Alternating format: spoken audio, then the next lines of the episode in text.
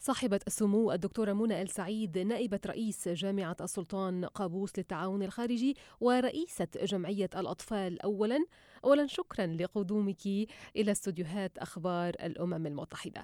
شاركتي في العديد من الفعاليات المقامة في منظمة الأمم المتحدة على هامش المنتدى رفيع المستوى المعني بأهداف التنمية المستدامة. من ضمن تلك الفعاليات فعالية بعنوان التعلم الآمن. وهو حدث خاص بالأطفال حول كيفية حمايتهم من الإساءة والعنف وسوء المعاملة.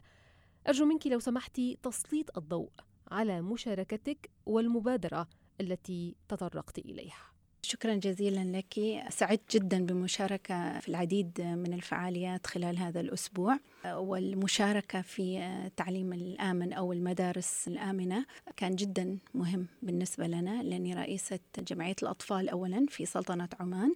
وهذه المبادرة تقريبا تتكون من مسابقة عالمية وسوف نختار ثلاث ابتكارات تكنولوجية لإيجاد حلول لصفوف أو فصول آمنة.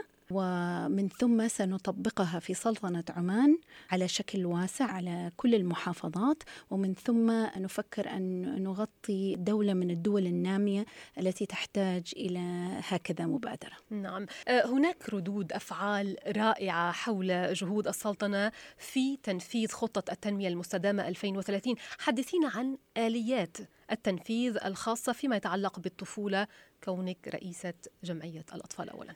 طبعا في تركيز كبير خاصة من خلال الهدف السادس عشر وبالتفصيل الهدف السادس عشر فاصلة اثنين قمنا بفعالية لتسليط الضوء على الطفل وبالأخص حماية الطفل. وأستطيع أن أقول أنه جدا فخورة بما أنجزته السلطنة في هذا المجال. أبرز الإنجازات قانون الطفل 2014 وأيضا الخط الساخن لحماية الطفل وأيضا لجان حماية الطفل المتواجدة في المحافظات الإحدى عشر في السلطنة وأيضا دار إيواء الطفل. فهذه فعلا من الإنجازات اللي أفتخر بها وكل الحكومة اشتغلت بشكل كبير إن كان القطاع الحكومي أم الخاص أم المجتمع المدني في إنجاح هذا الدور. شكرا. كيف تتوجهون إلى المجتمع المدني لحثهم على الانخراط في هذه المبادرات الهامة بالفعل لتحسين وضعهم الاجتماعي وتقدم البلد. أظن من الأشياء المهمة جدا في هذا التقرير أنه تم إشراك كل المجتمع من كل الجوانب إن كانوا حتى الأطفال أو نساء أو رجال أو في المحافظات المختلفة. تم إشراكهم في تقرير الأهداف التنموية المستدامة.